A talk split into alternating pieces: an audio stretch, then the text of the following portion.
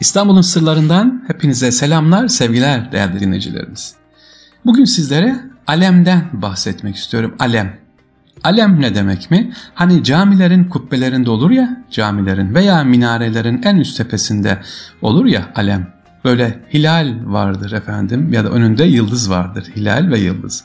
İşte bu alemin nereden geldiğini e, ve özelliğini ya da bize mesajını anlatacağım sevgili dinleyicilerimiz.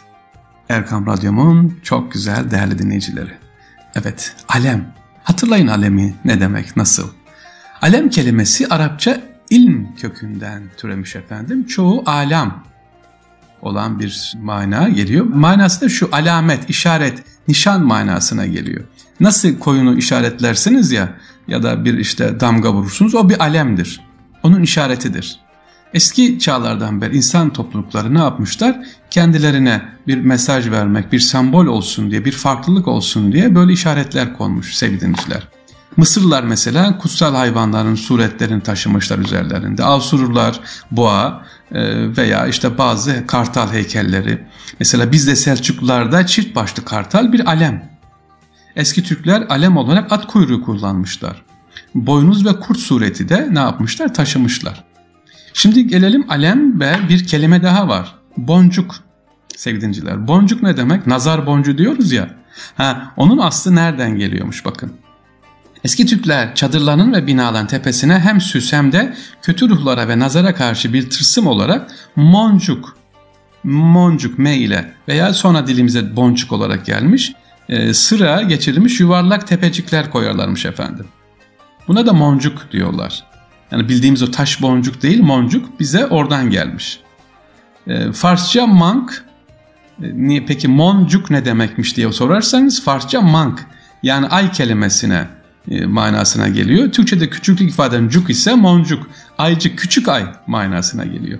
E, boncuğun manası neymiş demek ki küçük ay demekmiş. Aslı da moncuk. Ha, işte bunlar e, çok önemli yapıların cami, işte minareler evimizin ya da e, hatta türbelerin tepesine ne koyuyoruz bu önemli olduğuna ona önem bahsettiğimiz için alemler yani moncuklar boncuklar koyuyoruz.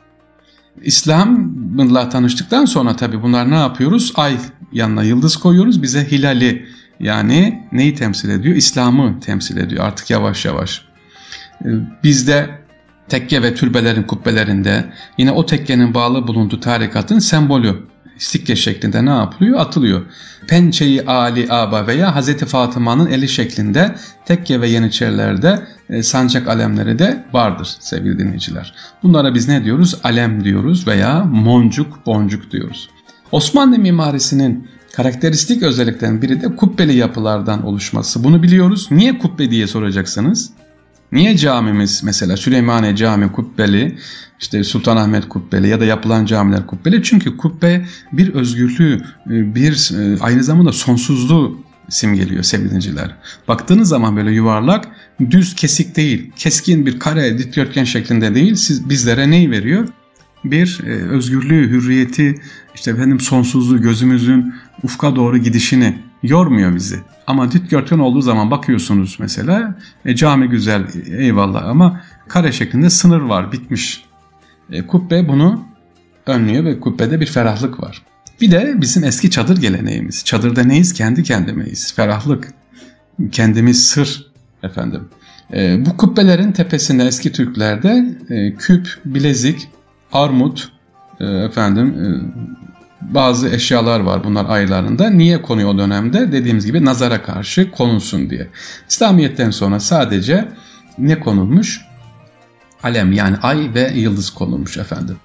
Kubbenin üstünü kaplayan kurşunların tepede birleştikleri bir de şu var. Niye hocam diyeceksiniz ki kubbenin tepesine konuyor. Tamam kenarına konsun tam ortasına. İşte işin sırrı da burada. Kubbenin üstünü kaplayan kurşunların tepede birleştikleri yerdeki açıklığı örtmek ve rüzgarın yağmurun girerek kurşunları kaldırmasını önlemek amacıyla ortaya kapak gibi ağırca birine alem koyma geleneği başlamış. Yani sizin gördüğünüz o kubbelerdeki alem var ya onun amacı sadece süs değil e, yağmurun suyun ve rüzgarın aşağı doğru inmesini ne yapıyor? Önlüyor sevgili dinleyicilerimiz. İstanbul'da veya Anadolu'da çok var görürsünüz bu şekilde alemler. Amacı bir sembol ve İslamiyet'in şiarı. Sevgili denizcilerimiz alemden bahsediyoruz ya da moncuktan bugün bahsediyoruz. Minarelerin kubbelerde bulunan alem ne demek, nereden çıkmış diye anlatmıştık. Devam edelim. Osmanlı İmparatorluğu'nda sancak padişahı ve devleti temsil eden önemli bir simge. Padişah sefere çıktığında sancak hemen arkasında yer alır. Bu nedenle de sancakların tepesinde yine ne bulunur? Alem bulunur. Bunlar altın, gümüş veya e, değerli madenlerden oluşan titiz bir kuyumcu işçiliğiyle yapılırdı bu alemler. E, sancak alemleri sap ve saifa adı verilen iki kısımdan meydana geliyor ve saifa küçük bir tepelikte son buluyor. Sap üzerinde de bazen bir veya iki yuvarlak armudi bulunuyor. Bunların amacı da moncuk dediğimiz yani o ay şeklinin alması. Bir de tombaktan bahsedeceğim şimdi size. Tombak. Alem dedik, moncuk dedik. Tombak neymiş? Tombak tekniğinde de altınla kaplanan madeni eserler büyük bir sanat değeri taşıyor. Yani tombak gördüğünüz zaman altı bakır veya maden ama üstü neymiş? E, altınmış. Bunların özelliği de daha kalıcı olması ve uzaktan baktığı zaman da parlaması için efendim tombak şeklinde de e, alemler var burada. İstanbul'da özellikle baktığımız zaman e, uzaktan mesela Nur Osmaniye Camii'ne bakarsanız Fatih Camii uzaktan bakın parlar. Niye? Tombak tekniğiyle yani altınla ne yapmış? Kaplanmış yaldızla. Altın yaldız. Evet bildiğimiz altın yaldızla kaplanmış sevgili dinleyiciler. E, amacımız ne? Biz burada amacımız ne? Ne yapıyoruz? Özellikle şiar, tombak, efendim alem, moncuk bunların amacı neymiş? İslam'ın bir simgesi e, ay ve tabii esas bizim eski Türklerden gelen, Orta Asya'dan gelen gelenek nedir? Sonsuzluk ve özgürlüğe olan düşkünlüğümüz. Sevgili dinleyiciler, İstanbul'un sırlarında bugün neyi gördük? Alem dedik. Camilerin tepesinde niye alem var? Niye boncuk var? Nazar boncuğu nereden geliyormuş? O var. Ha yeri gelmişken nazar boncuğu diyoruz. Bak Böyle bir boncuk yok ama eski Türklerden gelir efendim.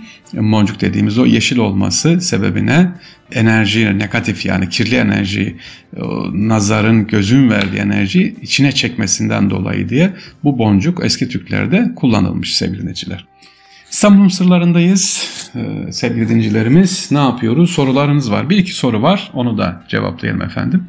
İstanbul'da soruyorsunuz pandemi döneminde efendim müzeler açıldı mı diye. Sevgili dinleyiciler evet bahsettim. Müzeler açıldı bir kısmı açık. Yani saraylar açık gidebilirsiniz. Özel müzelerde telefon açıyorsunuz, randevuyla gidebiliyorsunuz. Özellikle işte Rahmi Koç Müzesi, Fotoğrafçılık Müzesi bunlardan bir tanesi, Uçurtma Müzesi, Oyuncak Müzesi. Çocuklarımız aman ne olur bu içeride çok kaldılar. Kontrollü bir şekilde sizler de beraber gidip bu müzeleri ziyaret edebilirsiniz. Gitmeden önce bir alo demenizi tavsiye ederim. Tesbih müzesi var mı diye sormuşsunuz. Elbette var. Teşekkür ederim. Hatta bir dönem ben bunu anlatayım tesbih müzesini. Süleymaniye caminin hemen arkasında tesbih ve hat müzemiz var. Tesbih ve hat müzesi evet gidebilirsiniz. Süleymaniye Camii'nin hemen arkasından Mimar Sinan Türbesi'nin oradan sokaktan müftülük binasının İstanbul müftülüğünün o sokaktan gittiğiniz zaman tam önüne çıkarsınız. Çok değerli e, tesbihler var e, efendim. E, Türkiye'nin değişik yerlerinden gelmiş koleksiyonerlerin getirdikleri bağışları var ve hat koleksiyonumuz var e, bu müzede. Ücretsizdir. Burayı da gidip güzel bir şekilde ziyaret edebilirsiniz inşallah. Evet, bugünlük sizlerle birlikteliğimiz bu kadar sevgili dinleyiciler. Allah'a emanet olunuz inşallah. Sorularınızı bekliyorum. Selam ve sevgiler.